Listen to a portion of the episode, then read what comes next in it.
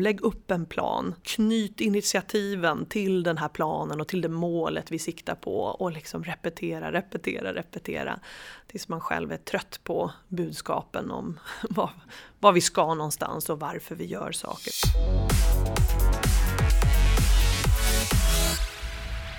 Coop har vänt från förlust till vinst de senaste åren och kommunikation har varit en viktig del i vändningen.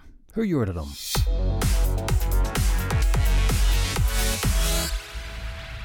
Anna Rosin, välkommen till Contentpodden. Eh, kul att ha Coop här nu två gånger, därför att vi har gjort en intervju med Björn Larsson för ett tag sedan och nu har vi kommunikationsdirektören Anna här, så det är, det är ju superintressant att lyssna på, på dig. Och berätta först, vad är din främsta drivkraft? Vad, vad får dig att gå till jobbet överhuvudtaget? Ja, men tack så mycket, det är jätteroligt att vara med. Eh, och det är faktiskt också det som är min största drivkraft, att vara med och påverka. Jag har märkt att det är det jag drivs av. Jag har inte särskilt stort behov av att synas. Men eh, gärna vara med och påverka, få vara med och förstå. Vad är det som händer, vad håller vi på att fatta för beslut? Och hur kan vi använda kommunikation för att förbättra de här fattade besluten och förenkla och se till att det faktiskt genomförs. Så är det själva reason, att, att sort of, du mår bra av att påverka eller du mår bra av att se resultatet av din påverkan? Eller like, är det, är det reason eller resultatet? Det är nog både och. Eh, jag tror att det är så här, det, vi, vi, är nog en, en, grupp människor som har det haft med sig hela, hela tiden. Man engagerat sig kanske i elevrådet när man gick i skolan mm. eller eh, på andra sätt under studietid och så. Då att, liksom, att vara med och få liksom en djupare förståelse för skeenden och vad, som, och vad som händer och varför. Och som du också säger att kunna se då när det väl kommer ut och när det eh, eh, blir effekt av våra fattade beslut och av det man själv har varit med och bidragit med. Så att summa summarum så får jag erkänna också att jag är lite sådär action junkie. Jag gillar när det händer mycket. Okej, okay. så är det därför att motsatt frågan är när är du minst nöjd? Det är ju när det är ingen action eller när ingenting händer? Ja, förstås. Och kanske också de gånger när det har brukat vara populärt i vår bransch att prata om att vi har kommit in för sent. Och jag vill understryka att det är faktiskt inte alls alla gånger som kommunikation kommer in för sent i ett skeende. Men det finns de gånger när det händer och man känner att ja, om vi hade varit med lite tidigare så hade vi ju kunnat ställa de här kritiska frågorna vad man säga, och eh, påverka skeendet. Och när man inser att jaha, då var det för sent och nu, nu är det bara att göra. Eh, det är väl de gånger som, man tyck, som jag tycker att det är eh, Har du något exempel? Har du något exempel på, på sånt? Nej, jag har ju faktiskt inget exempel för mig personligen, men rent generellt så tycker jag mig ha sett under hela min karriär så, så eh, finns det tillfällen när jag känner att när man inom näringslivet pratar om, när man får kritik för någonting så tenderar, eller har tenderat, nu har jag inte sett det på ett tag, men har tenderat att handla om att ah, vi har varit så dåliga på att kommunicera det här. Och där kan jag känna att jag eh, tar åt mig som kommunikatör yeah. av det när jag tänker att många gånger så kanske det handlar om att beslutet var dåligt. Okay. Det är inte givet att kommunikationen var det dåliga utan det kanske var fel på beslutet. Och jag är glad att jag under liksom de senare åren inte, jag ser inte det argumentet lika ofta. Nej, okay. Okay. Folk... Men som sagt, det är, inte, det är ingenting som jag personligen har varit med utan mer vad jag har läst i tidningar. Och, och eh, ofta har ju, kan det ju ha hängt ihop med ja, men olika beslut om ersättningsnivåer eller annat för ledande befattningshavare. Och det, är, och så här. det är svårt att kommunicera bort en dålig beslut ja. helt enkelt. Ja. Så är det. Ehm, du, du kom in som kommunikationsdirektör i ett stort förändringsarbete. Kan du berätta lite mer om, om det men, eh, och, vad, vad det inneburit för din roll? Ja, men alltså kommunikation är ju eh, förstås alltid viktigt vill jag ju eh, påpeka och det är ju alltid viktigt för alla styrelser och VD och ledningsgrupper och andra som vill liksom påverka och åstadkomma någonting. Men det är klart eh, att det finns väl två, två särskilda områden när det kanske blir extra kritiskt och Eh, Eh, förutom vid kriser då förstås så är det väl just i större förändringsprojekt som kommunikation är en nyckel. Det är inte ett mål utan det är ett medel för att uppnå ett mål. Vi har ju försökt att jobba med det under de här åren, både min företrädare och jag. Eh, om liksom, lägg upp en plan, knyt initiativen till den här planen och till det målet vi siktar på och liksom repetera, repetera, repetera tills man själv är trött på budskapen om vad, vad vi ska någonstans och varför vi gör saker. Och förklara liksom då vad det är vi gör i förhållande till den planen. Det är intressant att, att måste upprepa det, för för dig du har hört den miljontals gånger, du måste berätta den igen. Men för, för målgruppen, de har hört det kanske bara en eller tre gånger, egentligen inte så ofta, så de måste höra det flera gånger. Oh. Är, är det det svåraste delen i när man kommunicerar mot den, you know, den, den breda målgruppen? Du måste upprepa det igen och igen och igen. Ja, egentligen är ju inte det särskilt svårt. Det är ju Nej, inte, det är bara tråkigt kanske. Men det är bara tråkigt ja, och jag tror att det också är många gånger så jobbar eh, i ledningsgrupper man vill ju vidare. Eh, vi vill vidare mot nästa mål och nu har vi ju redan gjort det där och varför ska vi? Eh, och då är det ju, tenderar det ju själv...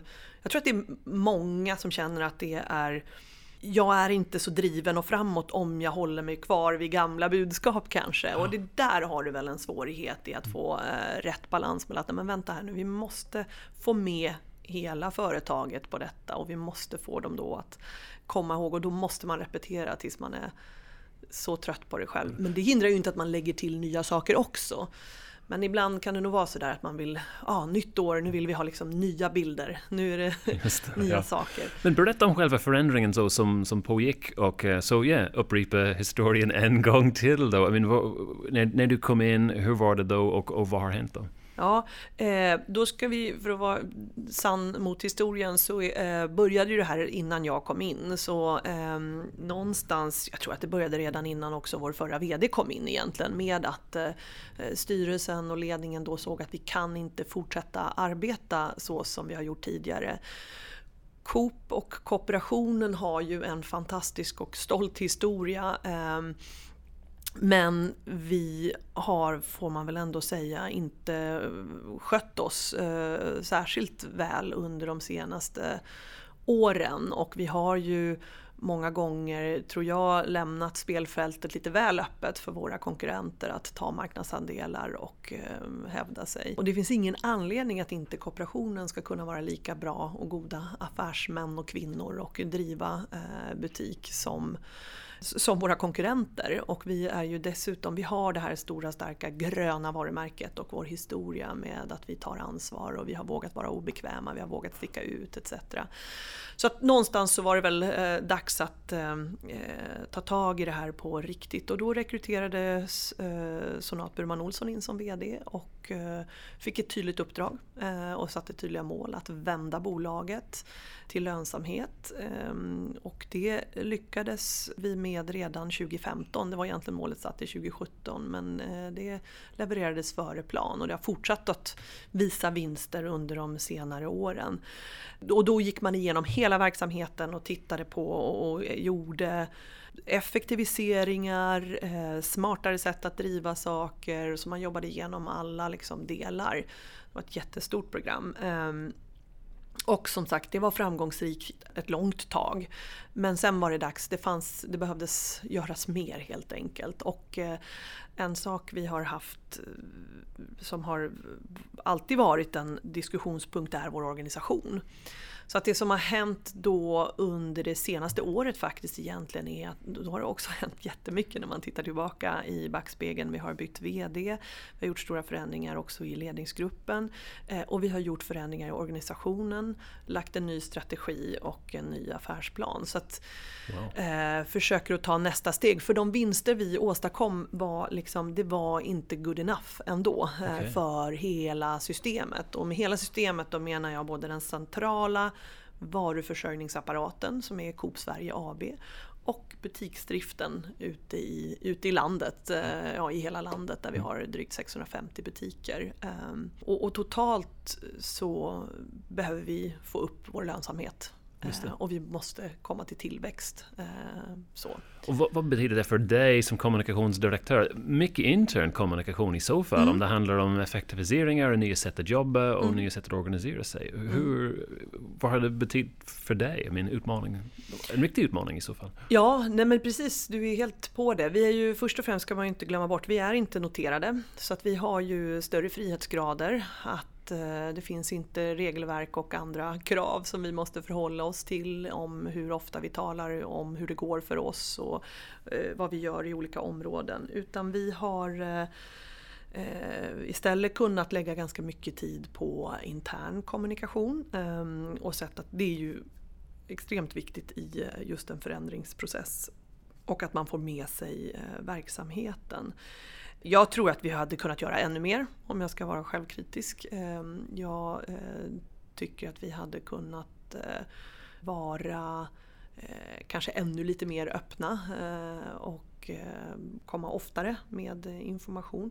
Men vi har jobbat ändå med att hålla stormöten här flera gånger om året. Nu är vi uppe i en gång i månaden så det är ju ändå rätt stort som vi filmar och lägger ut på intranätet och vi försökte att fylla liksom vårt, vårt intranät är ju kanske vår viktigaste yeah. kanal, enskilt viktigaste kanal. Det var också intressant hur ni är uppdelad. Ni har, men mm. Du är kommunikationsdirektör mm. men ni har också en marknadsdirektör och jag, bara, jag, min fråga är okay, varför då? Eller vad gör ni? Olika ja. Olika, ja, ja exakt. Nej men det, eh, och den här organisationen har nog sett annorlunda ut under tidigare år. Och, eh, men marknadsavdelningen hos oss är ju ett affärsområde det och det är en ganska stor avdelning.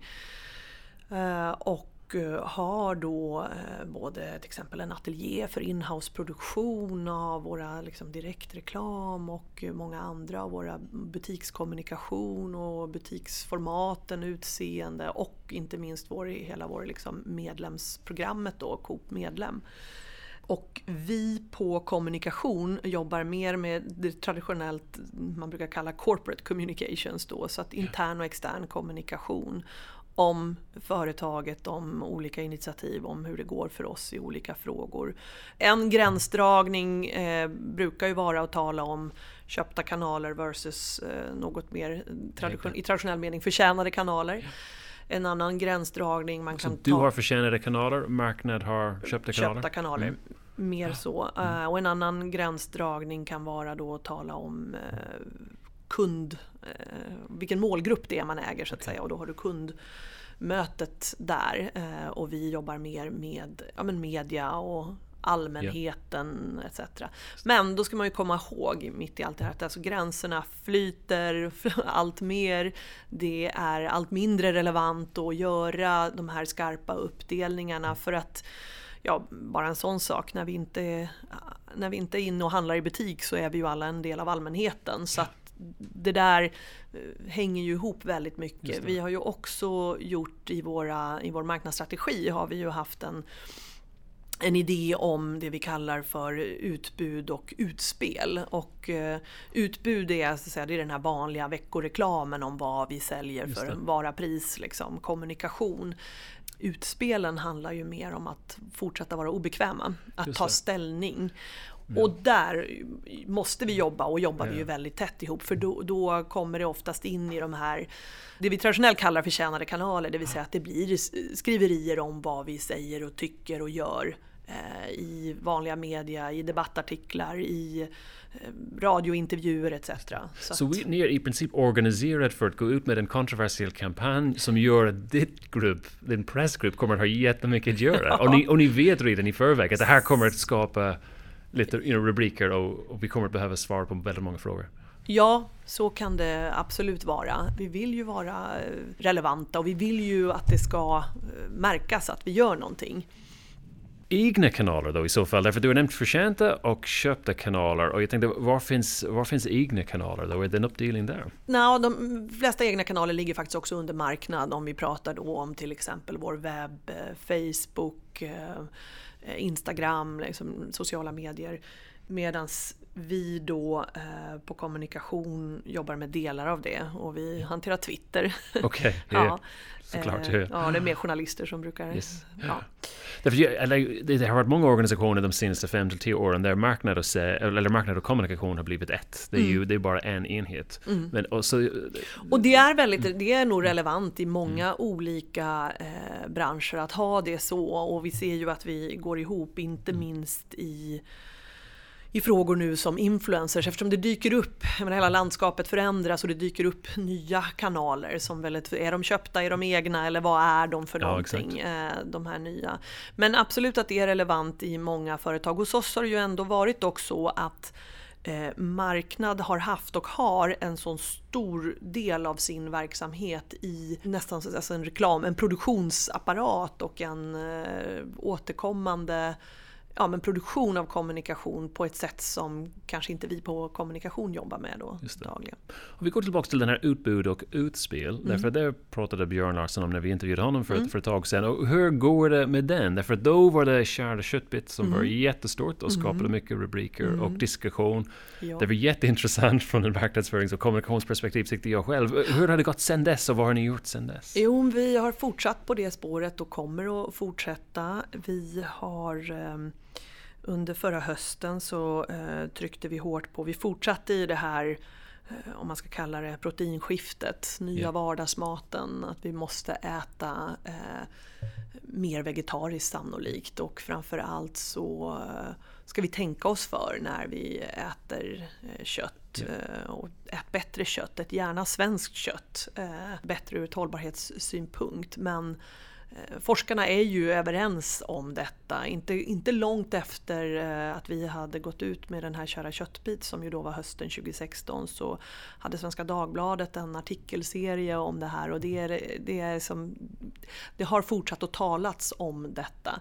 Och vi fortsatte lite grann kan man säga på det spåret med proteinskiftet och lyfte upp bönan som yeah. vår, eh, en liten hjälte som redan finns där och ger väldigt mycket av det som du många gånger tror att du bara kan få genom kött. Så att säga. Men det finns många andra bra proteiner som kan ge dig både den näring och det Kommer ni att sälja insekter och andra grejer nu som vi inte är van vid att se, men vi hör kommer det komma? Ja, men det där är ju en jättespännande diskussion och eh, jag tror att man ska vara helt eh, öppen för att vi kommer att äta an andra saker going forward. Alltså vi kommer ja. att äta eh, annat än vad vi har ätit historiskt.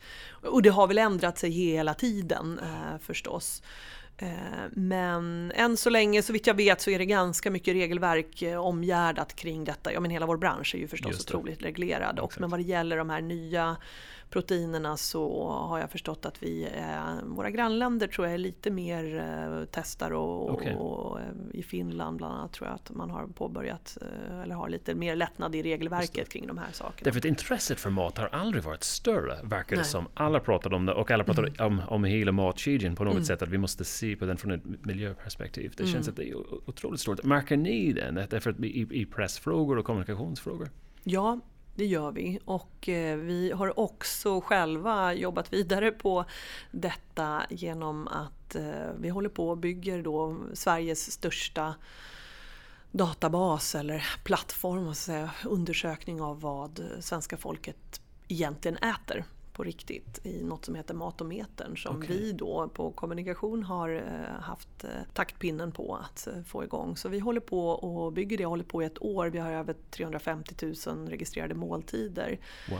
Ja, av, vi, av, era, av, av vad man faktiskt har ätit. Så tusen, okay. Vi frågar tusen personer i veckan av vad man faktiskt åt. Många av de här undersökningarna så hamnar man ju kanske i att man börjar berätta vad borde jag äta eller vad skulle jag vilja yes. eh, att jag åt? Eh, men vi har vänt på det där och frågar om vad man åt igår. Så att vi är på god väg att eh, bli då den, den eh, aktören som vet mest om vad svenskarna de facto äter. Och det här kan man dela upp på geografi, kön, BMI på lite olika faktorer helt och Det här är en undersökning så då, då är medlemmarna medvetna om den och är tillfrågade och säger ja, ja, ja och det är inte bara medlemmar utan vi okay. vänder oss eh, över hela Sverige så sagt. Och, man har behövt bygga lite kritisk massa för att kunna dra några statistiska eh, eh att säga, slutsatser. Det. Och det är en bas för att kunna prata om mat och, yeah. och definitivt en bas för kommunikation men också på sikt här en bas för kommersiella slutsatser och Absolut. Jag, det var följdfrågan självklart, vad kommer att hända med allt den här data som ni, ni samlar in? Nej men definitivt att vi ska kunna när vi har liksom fått ihop tillräckligt liksom, med underlag kunna jobba vidare med vad kan vi dra för slutsatser av detta Absolut. kommersiellt. Just det, sen har ni de här 3,2 miljoner om jag kommer ihåg det rätt medlemmar. Mm, mm, vilket gör att det måste mm. vara en massa med data som ni ja. samlar ihop där. Ja, det, det, är det ju och eh, precis, vi har ju mycket av den data vi samlar om våra medlemmar och den, den använder vi fortsatt så att säga mest i marknadsföringssyfte yeah. då. Eh, inte vi på kommunikation jättemycket okay. utan det är mer i det här med CRM, alltså det vill säga yeah. att kunna göra relevanta och riktade erbjudanden till våra kunder yeah. på det de, vi vet att de vill ha och de vet att de vill ha och eh, ja, blir tacksamma för att vi hjälper dem och underlättar deras vardag. När det gäller intern kommunikation, jag tänker mm hur får man en slags lojalitet och serviceinriktad känsla från någon som är en 18-åring som kommer in och gör bara något sommarjobb eller är där mm. kanske under ett år och jobbar mm. hit, you know, bara deltid. Det måste vara en jätteutmaning kommunikationsmässigt att få dem att känna sig delaktig i, i Coop. Ja, och där har vi ju mycket hamnar ju ändå på butikscheferna. De, de, de hjältarna vi har eh, ute i verksamheten. Eh, jag tror att det handlar väldigt mycket om att eh, se hur de gör. Eh, så de är otroliga förebilder i hur de agerar och vad de, hur de tänker. Så de har ett jättestort påverkan där och inflytande på hur man ska få... För precis som du säger så är det så att vi har många som är inne på kortare tid eller på deltid eller eh, så och kanske gör det här mellan som ett extra jobb eller sommarjobb och är på, kanske egentligen på väg någon annanstans. Eh, så att det är otroligt viktigt och det är otroligt viktigt att vi ger våra butikschefer då de rätta verktygen att kunna jobba med det här. Det. Och att de får bra introduktion till företaget och till vår historia och till vårt kundlöfte. Yeah som handlar om prisvärd hållbar matglädje som vi vill ge våra kunder. Och det, att de kan liksom känna att de eh, har mandat att göra det på, på sitt sätt. För jag hör väl till de som kanske inte tror att det finns ett recept som funkar för alla hela tiden. Utan lyhördhet och flexibilitet inför situationen.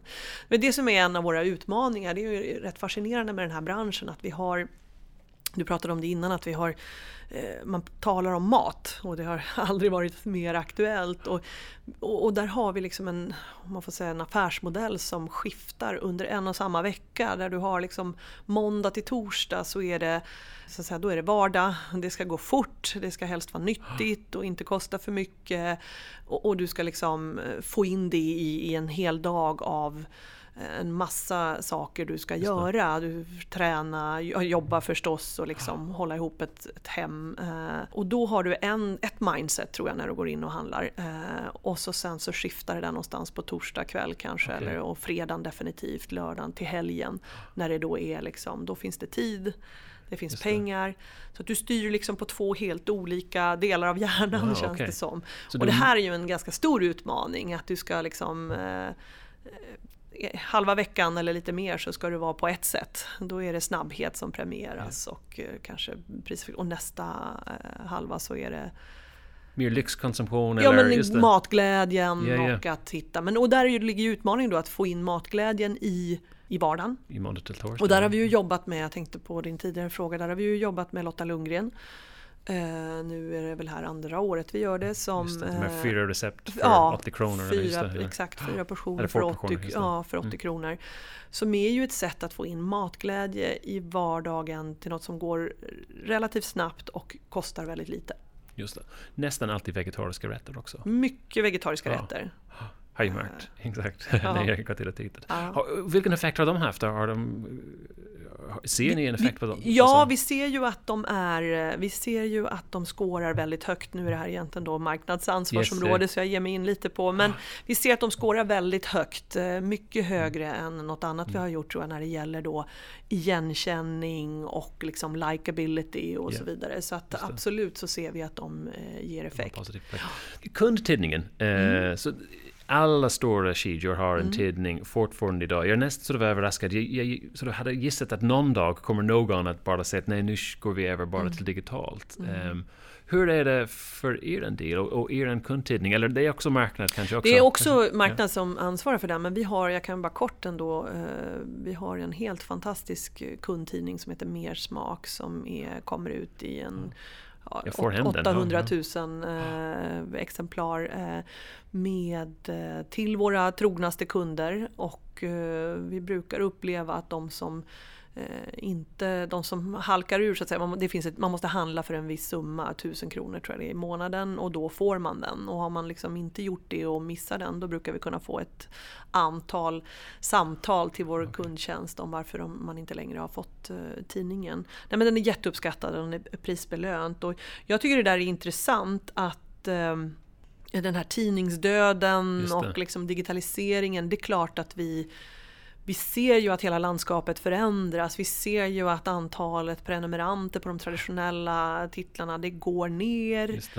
Dock tror jag fortfarande att det finns ganska många eh, tidskrifter kvar i totala medielandskapet. Mm. Så att, eh, och vi har ett relativt högt läsande i Sverige tror jag internationellt sett. Eller, eh, kan det vara motsatt effekt också? Att det finns så mycket digitalt? Att det ja, det var ju precis det jag skulle komma till och när man har då i, den här, i det här nya landskapet med en, liksom en helt annan takt eh, och, och tempo och, och, ton eh, faktiskt också i det vi konsumerar på väg till eller från jobbet ja. eller på kvällen hemma. Så verkar det ju ändå som det har funnits någon slags motreaktion att man gärna vill ha det som är lite längre. Det, det som är lite eh, har fått bre ut sig lite grann. Vilket ju alla dessa poddar till exempel Absolut. är ett exempel på att berätta en historia. Det, ja. Eh, det, måste få plats eh, också. Så mer smak kanske går ihop med hela helghandlingen? Att det ja, ja, det är otroligt och... mycket. Det, det, det, är ju lite av varje. Det är ju mm. recept, det är eh, tips, det är liksom... Ja, men vi, vi, delar ju all vår kunskap där om hur man borde, i stort och smått, va, hur man kan tänka kring mat och hälsa och och livsstil och så. Och vi har faktiskt också en eh, intern tidning som, som vi då gör, i och för sig bara två gånger om året, men okay. till våra terminaler. Där har vi också en grupp eh, medarbetare som inte eh, sitter framför en dator på dagtid utan eh, kör, kör truck och eh, planerar och, eh, hur vi ska leverera och, okay. vår mat ut i butikerna. Hur ser en sån tidning ut och vad, vad, vad är innehållet i, i en sån tidning? Ja men innehållet i en sån tidning är ganska mycket av, eh, vad kan vi ha, är den 12-14 sidor eller något sånt där? 12 eller 16 sidor borde det väl rimligen vara. Eh, det eh, handlar ju väldigt mycket om vad som händer inom det affärsområdet förstås. Men också en del om vad som händer inom Coop i övrigt så att säga. Så att man ska känna att det, vi, vi, är verkligen en, en viktig del i, i vår värdekedja. Absolut. Hållbarhet också har varit en jättegrej mm. för er. Ehm, du nämnde de här tre, uh, matglädje, hållbarhet och pris. Men hållbarhet är någonting som ni har varit uh, så i särklass störst med. Mm. Uh, och, och, ni sticker ut. Men vad har ni gjort nu sen, senaste sen jag var här och intervjuade Björn för ett par år sedan. Hur har det gått eller hur, ja, hur, hur jobbar ni med att kommunicera just hållbarhetsfrågan nu för tiden?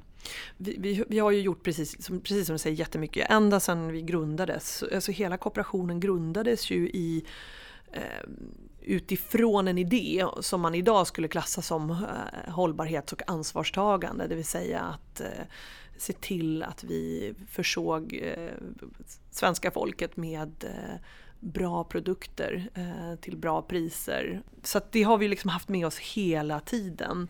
Eh, och vi har fortsatt att jobba inne på det spåret och precis som jag var inne på tidigare så är ju utspelen ett sånt exempel där vi då varje år eh, lägger en ganska stor, eh, mycket resurser på att komma ut i någon fråga där vi tar ställning och eh, sticker ut helst då. Sen har man ju vardagen där vi jobbar med de olika frågeställningarna som branschen har att eh, ta ställning till eller fundera i kring. Och det som har varit stort under de senaste åren är ju plastförpackningar. Yeah. Där vi ju då förstås jobbar med vad ska vi, hur ska vi göra, vad kan vi ta fram för alternativa påsar? Vi har ju haft påsar under många år som har varit antingen gjorda av återvunnen plast eller sockerrör. Mm. Eh, och fortsätta det vi, det vi redan gör. Vi jobbar också med förpackningen i våra EVM-produkter. Hur ska vi göra det på ett smartast yeah. sätt så att vi både gör själva förpackningen mer hållbar och kanske transporten mer hållbar och kanske hållbarheten i förprodukten mer hållbar. Vilket vi till exempel gjorde förra året när vi lanserade köttfärs på rulle. Eh, okay. så, och inte i den här traditionella tråget. Ja. Så. Um, och vi fortsätter, så plast har varit en fråga och um, matsvinn. Just, Förstås en, en annan fråga, ja. en jättestor fråga. Och hur kan vi jobba och vad kan vi göra? Där vi har uh, slutit avtal med bland annat, vi har sedan tidigare haft avtal med några som heter Allwin, uh, baserade i Göteborg främst och tar hand om en hel del av den okay. överblivna maten. Och nu uh, Y-Waste um, som hjälper till snarare i leden innan, att man har bra koll på det.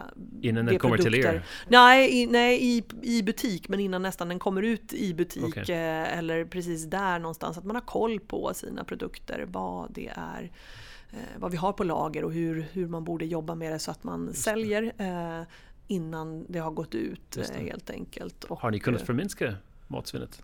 Vi har faktiskt haft lite olika sätt att jobba på det, så vi har inte haft något centralt mm. program eh, för det. Så jag kan inte riktigt svara på den frågan. Men det kommer mm. vi att behöva jobba med ännu mm. mer. Eh, och vi, vi, vi, kommer ju att göra det. Och vi har haft eh, en av våra första utspel var ju kring detta som heter knasiga grönsaker. Det var ju också en, en take på den här matsvinnsfrågan. Sen har vi då under våren haft stora framgångar och vunnit alla priser man kan vinna ja. i princip. Så att det har ju varit jätteroligt. Absolut. Så uppenbarligen så gör vi någonting rätt i alla fall i kommunikationen mm. där och folk där ute förknippar Coop och det gröna varumärket ja. med ett väldigt hållbart företag. Så vad, vad, är ni bäst på när det gäller kommunikation och vad är ni sämst på när det gäller kommunikation? Vad, vad tror ni ni är like, riktigt bra på i er kommunikation och vad, vad kunde bli bättre? Ja, vi är ju eh, bra på, får jag ju då ändå säga, vi är ju bra på att kommunicera vårt hållbara varumärke. Eh, det måste ju priserna bevisa att vi har nått ut helt enkelt.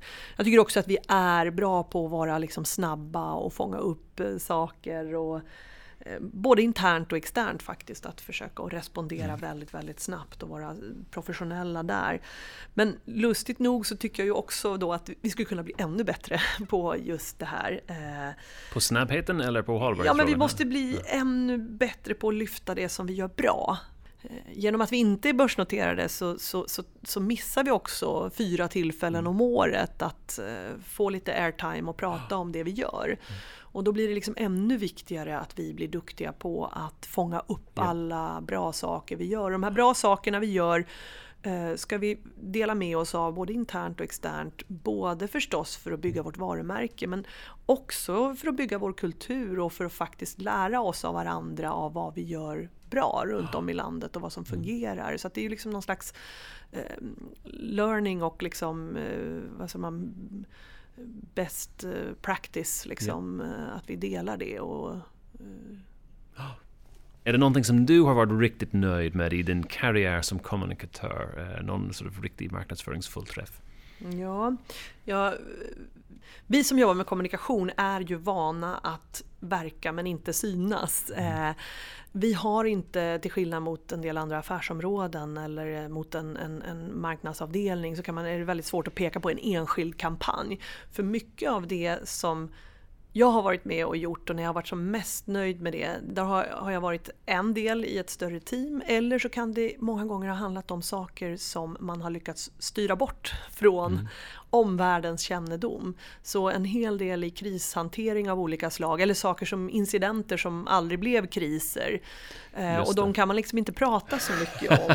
eh, men det är klart att... Så det är den största eh, framgången kommer aldrig att synas? Eh, det, kan vara, det kan vara så. Eh, men, men det är klart att också eh, under min, min tidiga karriär när jag var på det som nu heter Nasdaq så och då hette OM så gjorde vi väldigt, väldigt mycket roliga saker. Vi jobbade jättehårt och väldigt dedikerat och la bland annat bud på Londonbörsen. Och vi förvärvade våra, några börser i grannländerra. Och det här var ju en tid när många inte liksom ens förstod att det gick att köpa en börs. Eh, utan eh, det är ju som en myndighet ungefär, vilket det i och för sig inte var. Men, men eh, så det var ju otroligt spännande tid och väldigt roligt. Det var en, och motsatsen? Gick fort. Ja. Någon, någon fiasko? Någonting där allting gick Ja men då får jag vara likadan där då svara att det kanske inte heller är så um, att att, det finns några sådana där enorma magplask, eller det kanske det gör och det kanske andra på, kan påminna mig om då men ehm, jag kanske har lyckats glömma det och, och förträng, förtränga det. Men eh, jag tycker nog ändå att det är, jobbar ju varje dag med att vara eh, flexibel, tjänstvillig. Vi är en stabsfunktion och vi måste finnas här för resten av verksamheten. Och personligen tycker jag att eh, en av utmaningarna varje dag det är att veta att liksom, okej okay, men av alla mina, av alla de ärenden och saker som är på gång nu här, vilka är det som jag faktiskt ska gå upp i vind eh, för okay. och liksom ta en strid för och vilka ska man liksom låta låta vara. Det är, I ytterkanten är det förstås jättetydligt men i, eh, i liksom det här... Dag till dag, just det. Ja, och det här i mitten där det kan vara lite stolpe in, stolpe ut så tycker jag att det är så här det är någonting jag hela tiden jobbar med och försöka att liksom... Prioriteringsfrågan. Ja, och ta mer plats så att säga. Och, eh, vara mer eh, påstridig. Men det, mm. där gäller det liksom att välja rätt strider. Absolut. Och det är inte lätt heller Nej. att veta vilken man ska ta. Nej. Vem skulle du vilja höra näst på Contentpodden? Därför du lyssnar varje vecka. Eller? Mm. I och för sig, vi har inte haft den på nu. Jag skulle faktiskt vilja höra Kristina Stenvinkel som är informations eller kommunikationsdirektör på H&M. Yeah. Skulle vara De har haft en eh, spännande vår. Absolut. och vinter här. Så att det vore intressant att höra hur de vi, vi, vi tar kontakt med henne, ja. se om hon säger ja. Nu, ja. nu du har rekommenderat ja. Här, en sista pest eller kolera-fråga som ingen får förbereda för i förväg. Um, vi kommer ge dig två alternativ, du ska mm. välja en och sen motivera varför från mm. ett kommunikationsperspektiv. Så, så en är att media har plåtat dig i ICA och visar sig, det visar sig att du handlar i ICA hela tiden och aldrig på Coop. Mm. Uh, hur ska, ska du hantera den? Eller den andra som kommer ut är att um, Coop egentligen har ett konto i Caymanöarna eh, visade sig och eh, folk undrar vad, vad händer med pengarna då i så fall. Så det, det, det, är två potentiella kriser som kommer upp. Vilken skulle du vilja ta och, eh, och varför? Jättelämpligt med tanke på att du har nämnt att det är okej, okay, man, vilken ska man ta vind för och vilken ska man... Så låt oss säga att en av de här blir kris. Vilken Måste skulle du helst ha? Ja. Ja, det är nog, ja vad svårt. Det är ju, eh, eller egentligen väldigt lätt eftersom jag vet att jag eh, jag handlar så ofta på Coop, så jag tar den där ändå med att jag skulle handla på, på, ICA. ICA. Ja, eh, vi har en, man får handla på andra eh, butiker. Eh, det är också konkurrensbevakning. Eh, och jag vet ju själv att jag har väldigt rent mjöl i den påsen. så ofta som jag är på vår närmaste Coop-butik. Men jag skulle nog ta den eh, ändå faktiskt. Det eftersom jag tycker att, att den andra är jobbigare utifrån våra grund... Eh, liksom, värderingar. Ehm. Det var nog ett bra val. Vi gissade att det skulle kanske välja åt ett håll för just den anledningen faktiskt. Jag såg en av de första gångerna när jag just hade börjat på Coop så såg jag till min glädje en av eh, de prominenta figurerna i ICA-reklamen var på samma affär och handlade. Okay. och det var endast min eh, blygsamhet som, in, som förbjöd mig från att fota personen i kassan. det var nog kanske schysst av dig ändå. Anna Rosin, stort tack för att du varit med. Tack.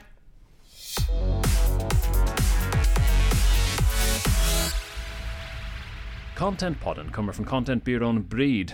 Mitt namn är Colin O'Callaghan. Och du hittar oss på LinkedIn, Twitter och breedcontent.se.